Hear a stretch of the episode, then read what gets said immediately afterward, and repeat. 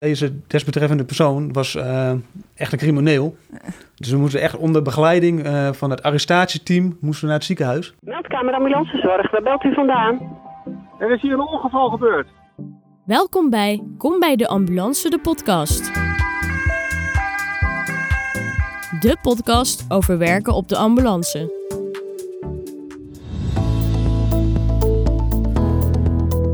Welkom bij de podcast Kom bij de Ambulance. Mijn naam is Fleur, communicatieadviseur bij Witte Kruis. Ik sta hier met Marco, hij is drie jaar ambulancechauffeur bij Witte Kruis. Uh, Marco, je ziet hier een uh, stapel kaarten voor je liggen. Daar zijn allemaal vragen op. Jij mag er zo meteen eentje pakken. En over 30 minuten, ik ga nu de timer zetten, gaat er een sirene af. En betekent dat de podcast uh, ten einde is. Dus pak nou, een kaart, zou ik spannend, zeggen. Uh, Fleur, dankjewel voor de aankondiging. Er ligt inderdaad een stapel kaarten voor mij en de timer loopt. Dus we gaan zien uh, hoe ver we komen. Uh, ik hou uh, sowieso van die sirene, dus... nou, ik heb hier een kaart gepakt met de vraag... hoe ziet jouw gemiddelde werkdag eruit? Nou, we hebben natuurlijk verschillende diensten hier bij Witte Kruis. We werken 24 uur per dag. Althans, er zijn 24 uur per dag diensten. Maar we werken 8 uur diensten. Dus een gemiddelde werkdag ziet eruit... Um, je begint je dienst, je, begint, je kleed je om, hè? je trekt de werkkleding aan... Je kijkt op de daglijst met wie je werkt en op welk voertuig je zit. Dat is elke dag anders. Je werkt eigenlijk elke dag met een andere uh, collega en op een ander voertuig. Uh, vervolgens ga je je auto controleren. Um, ik ben chauffeur. Mijn taak is eigenlijk het technische uh, stuk van de auto. Dus je controleert, ja, ziet de auto schoon eruit? Zit er geen schade op? is de motoroliepeil voldoende? doet de, doet de verlichting het? Doen de zwaailampen het? Als dat klaar is, nou, zorg je natuurlijk voor dat je stoel ook goed zit. Uh, dan help je collega. Die collega is verpleegkundige. Dus uh, ja, de binnenzijde, de achterzijde van de auto is zijn uh, verantwoordelijkheid. Dus nee, controleer natuurlijk samen. Dus je zorgt dat je samen die auto helemaal tip-top in orde is. Je meldt je in als je een go-moment hebt. Je hebt een go of no-go. No-go is bijvoorbeeld als de zwaailamp niet werkt. Of je hebt minder dan een halve tank brandstof. Maar dat kan ook aan de inventaris liggen. Als er uh, de spullen niet op orde zijn of er is uh, te weinig voorraad in de auto, dan heb je no-go. Maar in principe wordt die altijd netjes achtergelaten door je collega's. Dus eigenlijk heb je na controle altijd een go-moment. En dan meld je je in bij de meldkamer. Dan meld je dat uh, met, je, met je nummer. Je hebt een nummer bij de meldkamer. Meld je in, zeg dat je beschikbaar bent. En dan begint de dienst. En want dat nummer waar je het over had, dat correspondeert met de ambulance of is dat een persoonlijk nummer? Nou, je meldt, je meldt het ambulance nummer in. Um, zoals vandaag heb ik op de 10190 gereden. Dat is de auto, het voertuignummer. En je hebt nog een eigen nummer. Aan het nummer staat jouw persoonlijke gegevens gekoppeld bij de meldkamer. Dus ja. dan weten ze precies wie je bent. En zo wordt het ook opgeslagen. Word je ook aan de rit gekoppeld met dat nummer. Ja, en, en uh, dat nummer van die auto, waar komt dat nummer vandaan? We, weet jij dat? Waarom hebben jullie dat nummer? Nou, de, het eerste nummer staat uh, voor de regio waarvoor je werkt. Wij uh, werken in uh, regio Noord-Holland-Noord. En dat is regio nummer 10. En 190 is het voertuignummer. Ja, dus, nou, helder. Heel simpel ja, ja. en, en qua diensten, want nou ja, goed, dan is het natuurlijk heel afhankelijk van welke ritten je krijgt en hoeveel ritten je krijgt. Um, en heb je dan een voorkant? Je hebt ook wisselende diensten. Of je nou ja, dag, avond, nacht. Ja, klopt. Wij hebben best wel wat wisselende diensten. We hebben een dienst die om half zeven begint, zeven uur, half acht, acht uur, negen uur, tien uur, één uur. En dan begint de avonddienst weer, half drie, drie uur, half vier. Um, nou, mijn voorkeur, ik hou zelf erg van avonddiensten. Omdat ik, ja, dat, dat ligt mij persoonlijk heel erg goed. Je hebt ochtends uh, ruim de tijd om, om je eigen ding te doen. Om een boodschap te doen, om even te sporten, om het huishouden te doen. Of gewoon even relaxen, uit te slapen. Dat ook. En dan uh, s'avonds te werken. Bijvoorbeeld om drie uur, s middags beginnen tot elf uur. Dat, uh, dat is mijn voorkeur. Maar ja, zo heeft iedereen zijn eigen, eigen favoriete dienst. Ja, want het is, ik kan me wel voorstellen dat je qua vrienden en qua sociale contacten is dat weer lastig misschien een avonddienst. Want als iedereen vrij is, ga jij werken. Ja, dat klopt. Ja, je, je mist natuurlijk de avond. Nou, je hebt natuurlijk niet alleen maar avonddiensten. Je moet ook altijd een aantal dagdiensten draaien en nachtdiensten. Daarnaast hebben wij hier bij Witte Kruis uh, Noord-Holland-Noord hebben we een, een zelfrooster uh, rooster. je kan zelf roosteren, waardoor je eigenlijk diensten kan kiezen. Dus als je bijvoorbeeld een weekend een feestje hebt, kan je bijvoorbeeld zeggen van ik wil juist een dagdienst. Of ik wil juist die dag vrij. En dat je dan een andere dag ervoor terugwerkt. Dus dan ben je heel erg flexibel in je eigen rooster. Ideaal. Ja, zeker. Ja. en uh, dus jouw, jouw voorkeur is, is avonddienst. En dat heeft niet te maken met, met de ritten die je krijgt. Dat je, ik kan me voorstellen, je s'avonds andere ritten krijgt dan overdag. Uh, en dan ook weer dan s'nachts. Uh, ja, zeker. Uh, je kan, kan s'avonds zeker andere ritten krijgen dan overdag. En vooral in het weekend. Hè. Maar in het weekend bijvoorbeeld heb je natuurlijk weer wat meer ritten die ja, gerelateerd zijn aan bijvoorbeeld drankgebruik in de stad. Maar nee, dat is niet, dat is niet een keuze waarom ik bijvoorbeeld een avonddienst wil. Nee. Oké, nou dan kijken we even naar een volgende vraag. Oké, dan uh, ga ik een uh, nieuwe uitzoeken. Kun jij alle ambulancevoertuigen besturen? Ja. Uh, wij hier op de post hebben één soort ambulance. En dat zijn eigenlijk allemaal auto's die een vrachtwagenkenteken hebben. Ik heb ook mijn vrachtwagenrijbewijs. Dus ja, hier op de post kan ik alle ambulances besturen. We hebben hier geen onderscheid in het aan, uh, soort voertuig. We hebben nog een, een, aantal oudere voertuigen. Die vallen nog onder het uh, normale B-rijbewijs. Dus gewoon uh, waarmee je gewoon ja, een normale auto ook bestuurt. Maar in principe mag ik hier gewoon alle voertuigen besturen. Hm. Helder. Gaan we naar de volgende vraag. Welke inzet is jou het meest bijgebleven uit je werk? Nou, goed, ik werk nu, nu drie jaar voor de ambulance. En eigenlijk maak je natuurlijk heel veel mee. En heel veel blijven wel bij.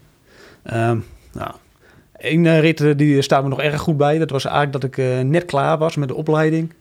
Ik moest met mijn collega moesten naar het uh, cellencomplex. Daar had een man die had pijn op de borst, dus mogelijk hartklachten. En wij kwamen daar, hebben die persoon, de patiënt gecontroleerd. En hij had inderdaad pijn op de borst. Maar er was vervolgonderzoek nodig in het ziekenhuis. Maar dit, deze desbetreffende persoon was echt een crimineel.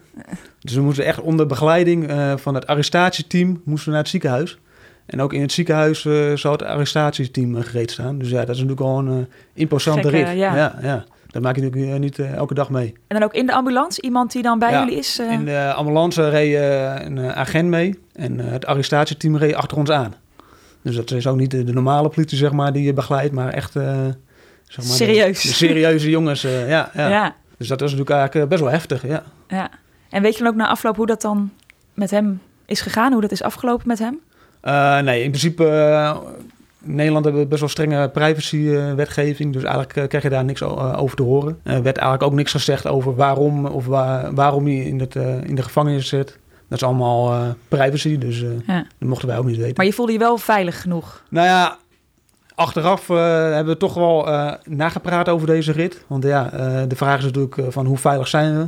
Ja, natuurlijk, we hebben een escort van de politie, maar ja, is dan je veiligheid gewaarborgd? Dus achteraf hebben we daar nog wel even over gepraat. En ook uh, bedacht van ja, hoe kunnen we dat misschien in de toekomst uh, anders doen. Anders. Maar op het moment zelf voelde je niet geen angst? Nee, eigenlijk op het moment zelf niet, nee. Omdat je toch onder begeleiding bent van de politie en die geven je toch een veilig gevoel. Um, ja, die staan ook echt klaar voor je. Dus, een mooie samenwerking. Ja, zeker een mooie samenwerking, ja. ja. Want jullie werken, neem ik aan, vaker samen met politie of brandweer? Of... Ja, klopt. We werken veel samen met de politie en brandweer. Uh, natuurlijk uh, kan het wel eens voorkomen dat aan de hand van gegevens of de melding... dat er twijfels zijn over of het veilig is bij het incident. En dan gaat altijd eerst de politie kijken. Die gaat kijken of het veilig is voor ons. Die geven dan, zoals ze het noemen, zijn veilig. En daarna kunnen wij veilig zeg maar, naar het incidentadres. Ja. Dus dat is natuurlijk perfect geregeld hier. Want voel je je wel eens onveilig?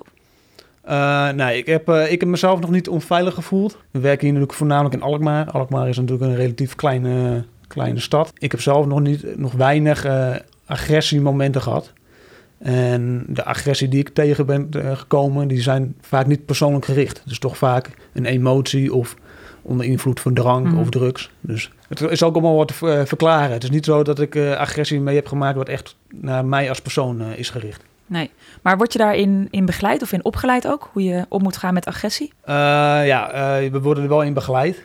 Um, er staat ook altijd een team klaar uh, van collega's die, mocht je met agressie te maken hebben gehad, dat die kunnen ondersteunen. Hè?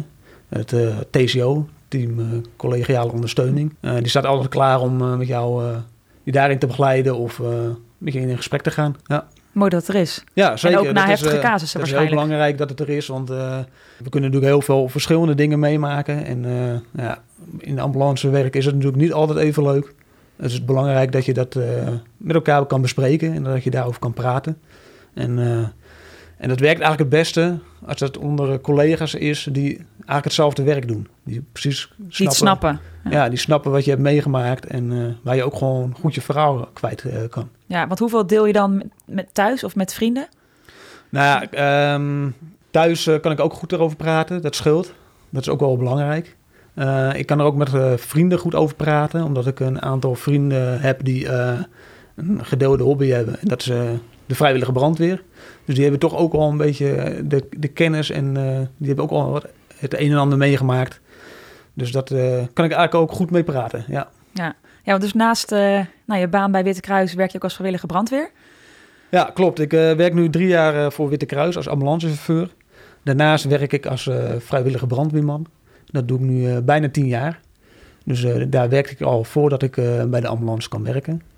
Ehm, daar ben ik ook achter gekomen dat ik eh, ja, dat hulpverleningen echt eh, helemaal te gek vind. Dus ook eh, vandaar de stap naar de ambulance. Ja, je had niet als klein jongetje al dat je wist, ik wil later op de ambulance werken. Nee, eigenlijk helemaal niet. Nee, Nee. dat heb ik eigenlijk nooit toen zo over nagedacht. Maar bij de ambulance ben ik echt ja, zeg maar verliefd geworden op de, het hulpverleningswerk. Ja, bij de brandweer, ja. ja, bij Ja, de brandweer. Ja, sorry, precies. Ja. En eh, nog geen seconde spijt van gehad. Nee, is geen seconde spijt. Echt, eh, ik vind echt dat we het mooiste werk eh, hebben. Wat, echt een droombaan, zeg maar. Ja. Nou, ik kan me ook wel voorstellen dat het makkelijk is als je van twee, nou ja, uit twee verschillende hulpverleningshoeken ervaring hebt. dat je ook je beter kan verplaatsen in wellicht in de samenwerking of in de hulpverlenende collega's ter plaatse. Ja, bij de brandweer word je toch op een bepaalde manier opgeleid. Hè. Je, je maakt natuurlijk al het een en ander mee. Dus ik denk dat het echt een goede basis is eh, voor, als, eh, voor ambulancemedewerker. Mooi. Nou, ik zou zeggen, pak nog een andere vraag. Wanneer rijdt je met sirene en wanneer niet? En zijn er ook twijfelgevallen? Ja, in principe bepaalt de meldkamer eh, bepaalt wanneer je met... eh, die bepaalt of een rit een A1-rit wordt een, of een A2-rit. En een A1-rit betekent, we moeten met spoed die kant op. We moeten binnen een kwartier zijn, maar zo snel mogelijk. En dan mag er ook dus gebruik gemaakt worden eh, van de zwaailamp en sirene. Het is altijd een combinatie. In principe is het vanaf het moment van wegrijden, zet je je zwaailamp aan met sirene. En bij het incident adres zet je hem pas weer uit. Maar soms komt het ook wel eens voor dat een A2-rit wordt uitgegeven. En dat er toch twijfels is tussen de, eh, onder de ambulancebemanning. En die kan dan altijd in overleg met de meldkamer besluiten om toch met zwaailamp en sirene te gaan rijden. Dus een ambulance kan ook in de file staan. Een ambulance kan ook in een file sta- staan, zeker, ja. En mag dan niet over de vluchtstrook altijd er zomaar langs. Een ambulance mag, als hij aan een rit is gekoppeld, over de vluchtstrook rijden. Ook als het de A2-rit is. Maar dat gebeurt dan niet met zwaailamp, zwaailamp en sirene, maar met de oranje zwaailamp. Maar we hebben wel toestemming om over de vluchtstrook heen te rijden. Oh, dus er zijn nog twee verschillende soorten licht. Ja, we hebben eh, de blauwe zwaailamp en daarbij horen de, de sirene. Hè? Dus dat is echt met het, wanneer we spoed rijden. En we hebben de oranje zwaailamp. En die gebruiken we eigenlijk als we ergens eh, op, de, op de weg staan. eh, als we verkeer eh, moeten tegenhouden. Of als we bijvoorbeeld over de vluchtstrook rijden. Zo, zolang er geen spoed wordt gereden. Leuk, ja. Nou, pak er nog maar één. Hoe ervaar je de samenwerking met de collega's van de meldkamer, politie, ziekenhuizen en ketenpartners? Nou, we hebben het er natuurlijk net al even kort, kort over gehad. We werken veel samen met de eh, politie en eh, brandweer. Eh, die samenwerking is echt eh, uitstekend. We zitten hier ook eh, met een stukje duingebied en bosgebied. Daar gebeuren ook veel incidenten. En dan werken we samen met de reddingsbrigade. En dat is ook echt een heel goede samenwerking. Onze voertuigen kunnen niet over het zand heen rijden. Of kunnen niet off-road, zeg maar. Dus dan ehm, maken we gebruik van de reddingsbrigade. Die, die hebben 4x4 auto's. En die kunnen ons naar het bos brengen of in het duingebied. Dus gebeurt dat is- vaak, zo'n... ja, dat gebeurt, eh, dat gebeurt best wel veel, want eh, het is een druk eh, bezocht gebied hier, het natuurgebied. Er loopt hier ook een mountainbike route, wat erg druk bezocht is. En ehm, daar komen we regelmatig en dan in- altijd in samenwerking met de reddingsbrigade. Dus dat is echt heel goed geregeld. En dan is het idee dat zij jullie naar de plek toe brengen? Ja, we hebben een aantal afgesproken ontmoetingsplekken. Daar rijden, rijden wij heen met de ambulance. En dan worden we daar vanuit daar opgehaald door de reddingsbrigade.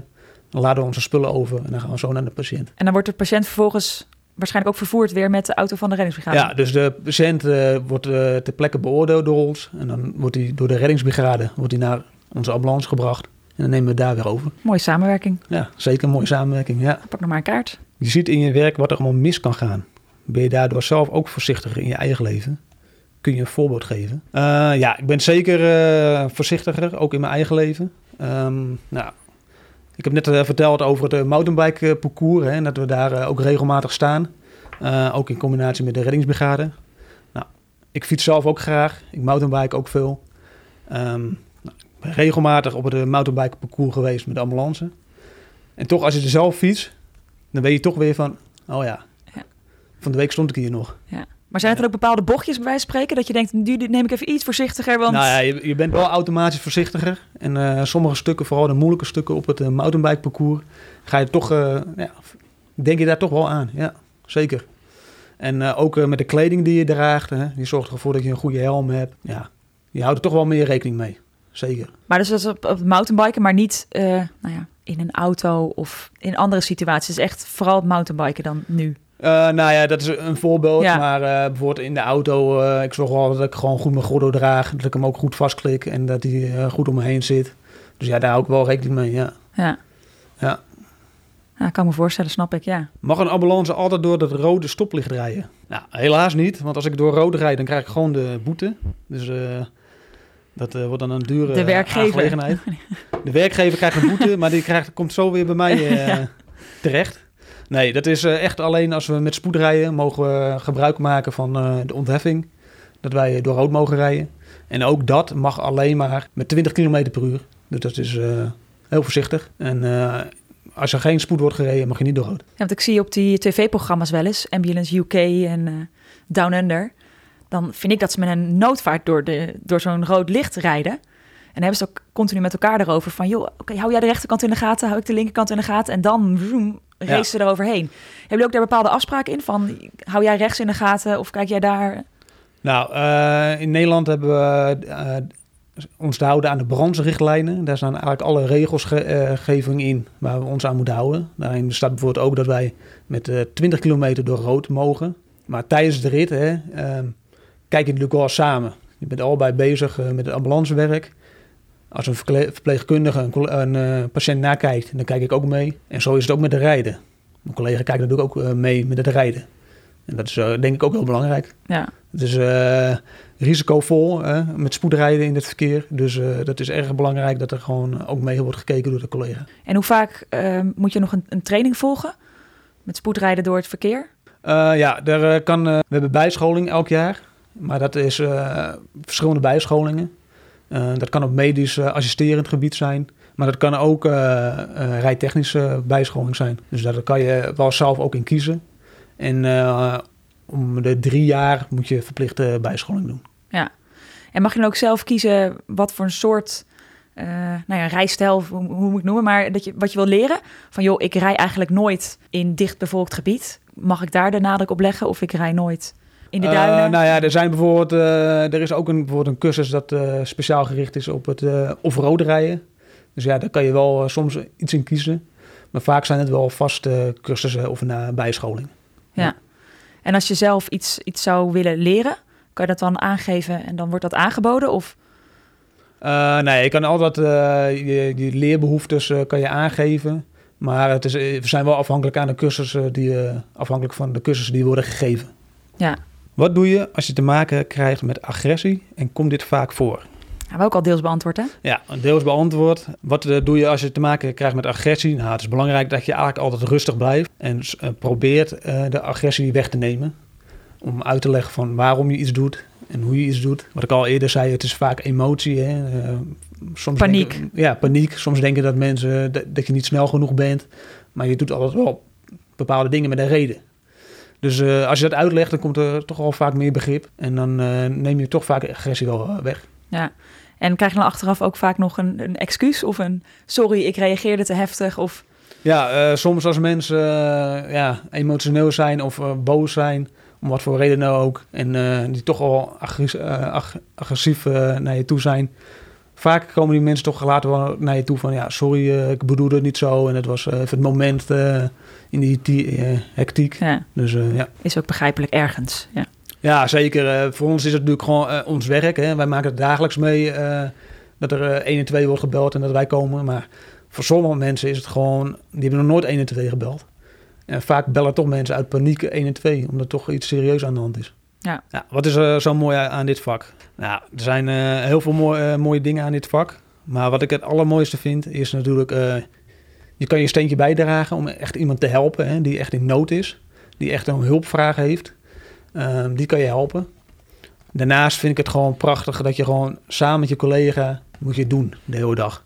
En ook de moeilijke casussen of eh, de minder moeilijke, het maakt niks uit. Je doet het samen en ehm, ja, dat, dat maakt het werk gewoon prachtig. Het is echt een teamwork, zeg maar. Als ambulancechauffeur is het echt niet alleen van A naar B rijden. Je doet het ook echt het medische eh, assisterende gedeelte, doe je met z'n tweeën. Dus eh, ja, dat, dat maakt het werk echt eh, prachtig. En, en bijvoorbeeld in privé situaties, als er iets eh, met iemand aan de hand is, medisch gezien, kan jij dan ook helpen? Gebeurt dat wel eens? Of als je iets ziet gebeuren terwijl je, niet, terwijl je Ja, geen dienst hebt? Ja, ik denk dat het eh, toch wel een beetje in je zit. Hè? Dat je sneller helpt. Vooral omdat je natuurlijk ook wel behoorlijk eh, wat kennis hebt eh, opgedaan in de loop der jaren. Dus ja, je zal natuurlijk altijd... ja, als ik naar mezelf kijk, ik zal altijd helpen. Ja. Als ik iets zie gebeuren, dan zal ik wel Ja. klaarstaan voor diegene. En dat zat al wel als, als kleine jongen in jou? Of ook niet? Eh, nou, dat denk ik wel, ja. Ja. Ik denk dat ik wel eh, het zorgzame zeg maar wel in me heb. Ja, Ja. zeker al vanaf het begin. En eh, natuurlijk ook al wat je hebt geleerd bij de brandweer. En, en nu dit, in dit werk ook. Want zijn er veel ehm, collega's die ook bij de vrijwillige brandweer zitten?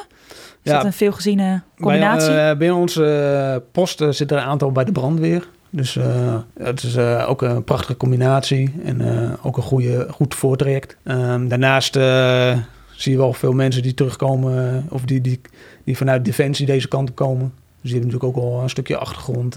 Want heb jij dat ook als, als noodzakelijk ervaren? Dat het fijn is dat je een achtergrond hebt in hulpverlening of ja, defensie dan? Ik, voor mij persoonlijk was het echt dat ik een achtergrond in, in de brandweer had. Was ik wel heel erg blij mee.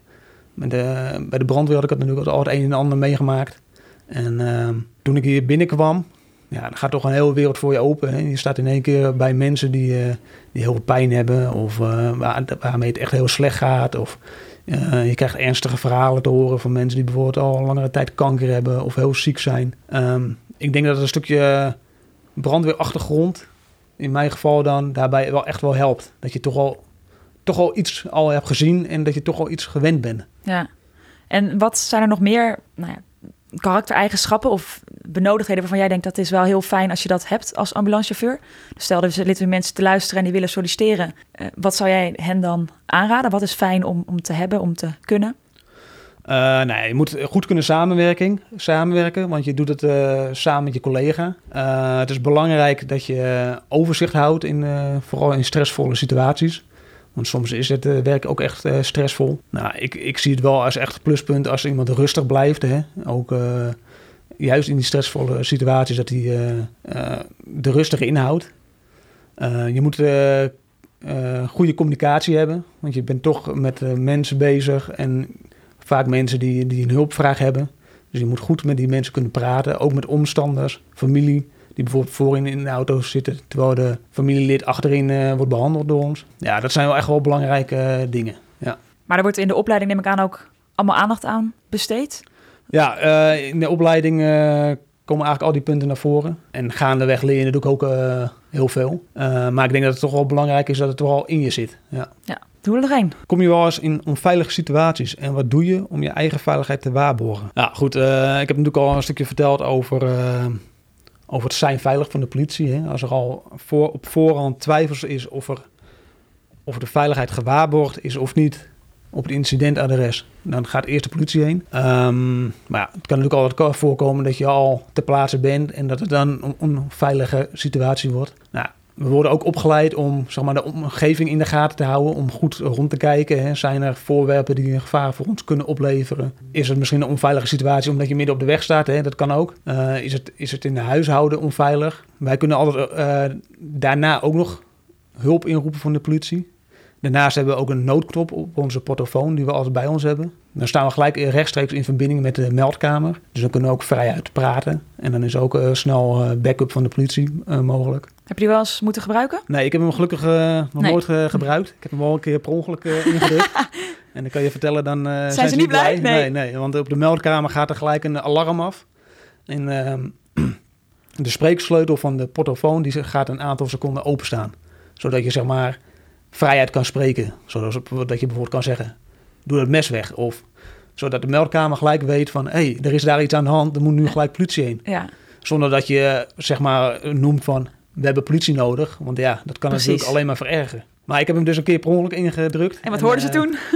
ja, toen, ehm, toen ging dus het alarm af op de meldkamer. Nou ja, dan word je natuurlijk op een gegeven moment opgeroepen van... eh, en je hebt het natuurlijk ook zelf door, want eh, ja, het gaat niet per ongeluk dat je het opdrukt. Ik, maar ik was nog een beetje ontwetend in het begin en ik drukte op die oranje knop. Ja, En het alarm ging af. En, eh, dus ik heb gelijk mijn excuses aangeboden. Maar eh, dat vinden ze niet leuk. Taak Nee, nee. bezorgd. Ja, ja, ja, zeker. Ja, ja. Maar ja, dat is dingen gebeuren. En eh, ach, achteraf kunnen we er ook wel weer om lachen. ja. Want hoe is verder het contact met de meldkamer? Ja, heel goed. Je moet natuurlijk, hun zijn een groot onderdeel van ons werk.